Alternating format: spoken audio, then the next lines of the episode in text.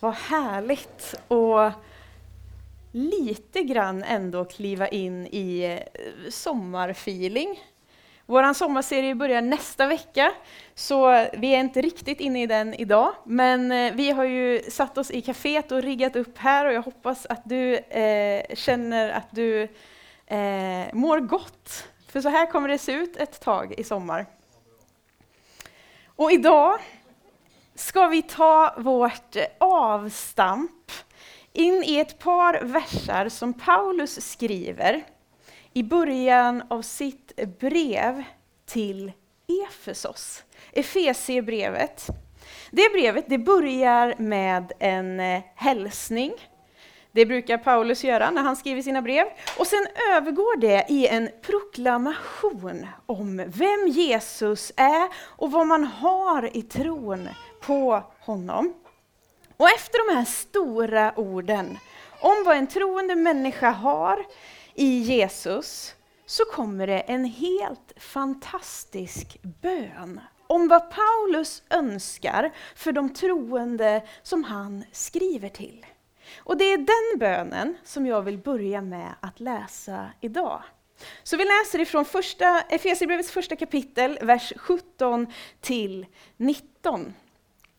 Jag ber att vår Herre Jesu Kristi Gud, härlighetens far, ska ge er vishetens och uppenbarelsens ande, så att ni får en rätt kunskap om honom. Jag ber att era hjärtans ögon ska få ljus, så att ni förstår vilket hopp han har kallat er till, hur rikt och härligt hans arv är bland de heliga och hur oerhört stor hans makt är i oss som tror, därför att hans väldiga kraft har varit verksam. Alltså det är ju som man vill säga amen när man läser den här bönen. Alltså de här raderna gör mig helt varm i hjärtat. En bön om insikt i vem Gud är och vad jag som troende har inneboende. Och jag har fastnat i en formulering i den här bönen som jag vill plocka upp tråden kring idag. Det är att han säger, jag ber att era hjärtans ögon ska få ljus. Alltså den där bönen om insikt och en inre blick jag läser ur folkbibeln 15 när jag läser. Och skulle man istället läsa Bibel 2000 så är, har de översatt samma formulering med att säga Må han ge ert inre öga ljus. Svenska kärnbibeln översätter samma rad med orden Era förstånds ögon må flöda i ljus. Och det grekiska grundordet som används här när vi säger hjärta då, i folkbibelns översättning översätts faktiskt oftast med hjärta. Det är till exempel samma ord som Jesus använder när han får frågan om vilket är det största budet i lagen. Och så säger han, du ska älska Herren din Gud av hela ditt hjärta, av hela din själ, av hela ditt förstånd. Alltså, hela hjärtat, det ordet är det som man använder.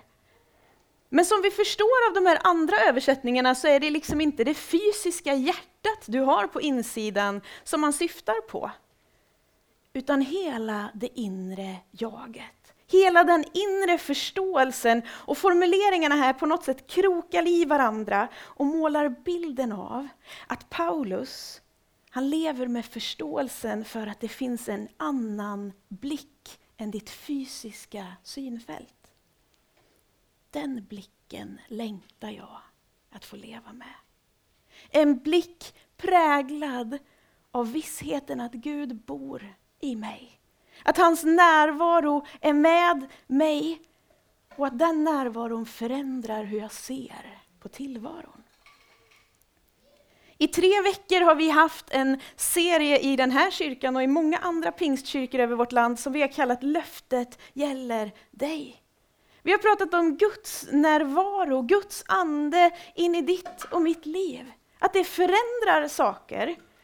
Och vi läste nyss att Paulus säger att han önskar att den troende människan ska få uppenbarelsens ande så att vi kan se på ett nytt sätt. Och jag tänker att vi ska prata om lite saker just när det gäller seende idag. För Bibeln målar bilden av att du kan få se en annan verklighet. Det finns gott om bokstavliga under i Bibeln. Alltså då Jesus öppnar ögonen på blinda människor. Blinda människor som inte kunde se, som sedan börjar att se. Men det finns också berättelser i Bibeln om hur Gud öppnar inre ögon. Och en av de berättelserna ska du få följa med mig till idag.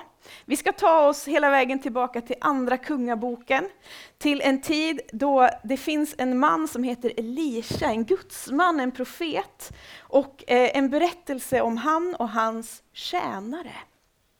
Och den här berättelsen utspelar sig i en tid då landet Israel ligger i krig med Aram.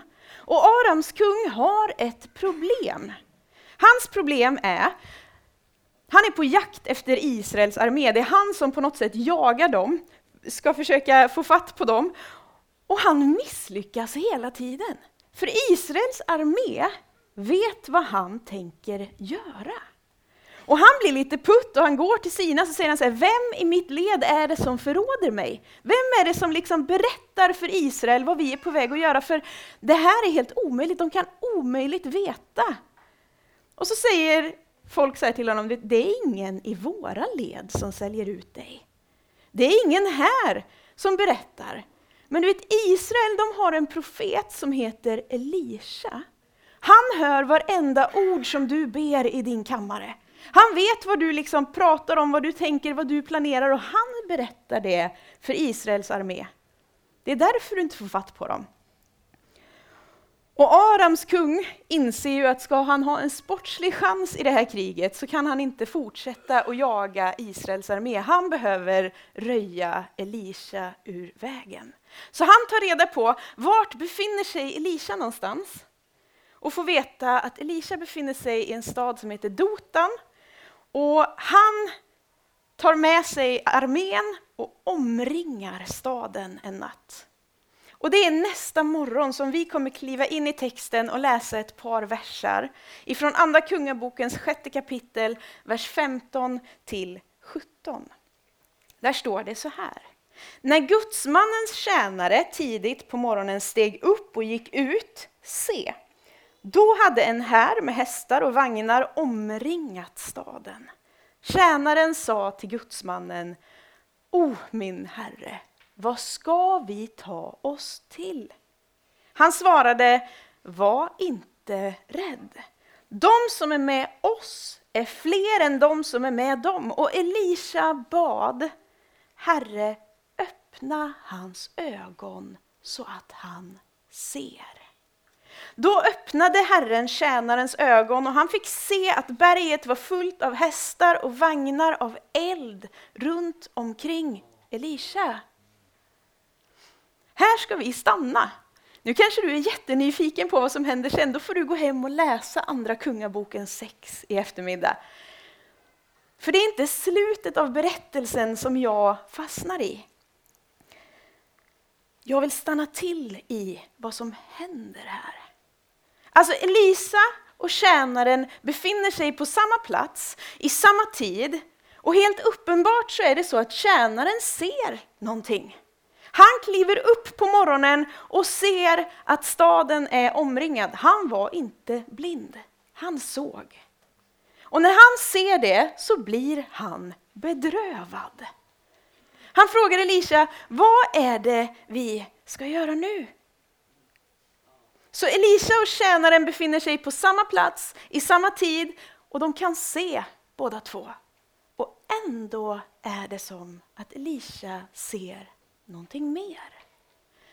Det är som att Elisha har en blick som sträcker sig bortom de fysiska ögonen. Och så ber han, Herre öppna hans ögon så att han ser. De inre ögonen behöver ibland få öppnas. Vi behöver förmågan att se en annan verklighet ibland än det vi har för våra fysiska ögon. Men spolar vi fram tiden ett, en bit till när Jesus vandrar omkring på jorden så kan vi läsa om hur han hamnar i ett samtal med en lärd judisk man som heter Nikodemus. Och det samtalet handlar om förståelsen av budskapet som Jesus kommer med.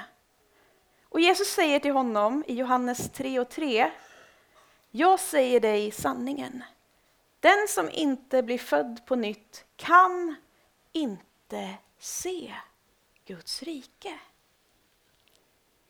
Det är som att Jesus säger att den inre synen verkar sitta ihop med att bli född på nytt. Att våga ta ett steg i tro. Att välja att sätta sin tillit till Jesus. Att se är ju själva förutsättningen för att kunna ta del av någonting fullt ut, att kunna förstå, att kunna greppa. Men för att kunna se med inre ögon så behöver man våga ta ett steg i tro. Paulus säger vid ett tillfälle att vi alla lever, rör oss och är till i Gud.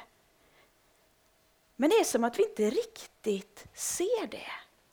Det är som att vi inte riktigt ser den godhet som Gud har för oss som människor. Det är som att, alltså Bibeln säger att Jesus har dött för våra synder. Att han har gett oss möjlighet till nytt liv, till ny kraft. Men det är som att människan ligger och sover mitt i Guds möjligheter. För att vi inte ser. Du kan läsa hur mycket du vill om Jesus. Men det är först när du sträcker dig emot honom, när du möter honom personligt, som det blir begripligt på riktigt vad han har gjort för dig. Att se kräver mod att våga ta ett steg ut i det okända. Ett steg i tro. Och den tron är en ögonöppnare. Mötet med Jesus öppnar dörren till en annan verklighet. Det finns ett kapitel i Nya Testamentet som beskriver trons hjältar. Hjältarna från Gamla Testamentet den radar upp bland annat Noa, Sara, Abraham och Mose. Och så står det så här i Hebreerbrevets elfte kapitel och trettonde vers. I tron dog alla dessa utan att ha fått det som var utlovat. Men de hade sett det i fjärran. Det är som att Hebreerbrevets författare ger uttryck för att den inre blicken kommer med ett löfte som är större än mitt här och nu. Större än mitt liv på den här jorden. Du vet, att sätta sin tro till Jesus det är inte bara ett självhjälpsprogram som ska fixa tillvaron åt dig. Det är en vision, det är en blick som är större än jag, mig och mitt. Där tillvarons högsta mål inte längre är mitt självförverkligande. Där mitt liv inte är slut den dag jag tar mitt sista andetag på den här jorden. Och vi ska läsa ett par rader om en av de här hjältarna till i, Mos eller i Hebreerbrevet 11. Eh, det handlar om Mose, vers 24 27. Där står det så här. I tron vägrade Mose som vuxen att kallas faraos dotterson. Han valde att hellre bli förtryckt tillsammans med Guds folk än att ha en kortvarig njutning av synden. Han räknade Kristi vanära som en större rikedom än Egyptens alla skatter, för han hade blicken riktad mot lönen. Genom tron lämnade han Egypten utan att frukta kungens vrede. Han höll ut därför att han liksom såg den osynlige. Han höll ut därför att han liksom såg den osynlige. Alltså vilken underbar formulering det är. Att liksom se. Att ha den inre skärpan inställd. Det kommer inte alltid innebära att livet här och nu speglar den bild jag har på insidan. Trons hjältar fick aldrig det utlovade. Men Mose liksom såg och det gav honom kraft att fortsätta gå. Jag längtar efter ett liv där jag liksom får se. Där jag liksom har den där blicken. Inte bara det jag ser med mina fysiska ögon, utan det jag kan få vara med och se det Gud ser. Där jag kan få vara med och se med andra ögon på tillvaron där jag går fram. Att få vara en människa som har blicken riktad liksom Mose. Det finns dock en markant skillnad på dig och mig och på Mose och Abraham och Sara och Noa. De fick sluta sina liv utan att få det utlovade.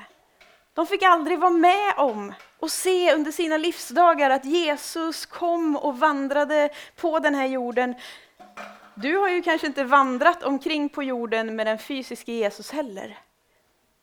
Men han finns i våra historieböcker.